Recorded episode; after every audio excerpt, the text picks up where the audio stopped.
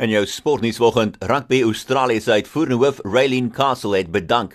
Castle sê sy glo nie dat die raad haar meer in die pos wil hê nie. Sy bedank in die middel van 'n finansiële krisis in Australiese rugby wat vererger is deur die koronaviruspandemie. Castle het die eerste dame geword om enige van Australië se groot rugby of voetballiggame te lei toe sy aangestel is in die pos in Desember 2017.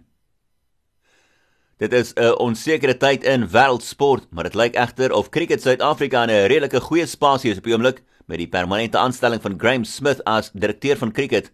Die kaptein van die Proteas dames, Danai van Niekerk het gesê dat sy opgewonde is om te werk saam met Smith. Graham came to to Australia um to have a meeting with myself and and Mignon and we had a couple of chats about where we are at, where we want to go. When um, he's a legend in the game, first of all, and then obviously the vision he, he has for cricket South Africa and what he wants to to achieve with the teams is, is quite exciting. And um, we all know he's passionate of the of the game, so um, really excited to work with him in the future. And um, as I said, we had some really good chats in in Australia and we're not Africa.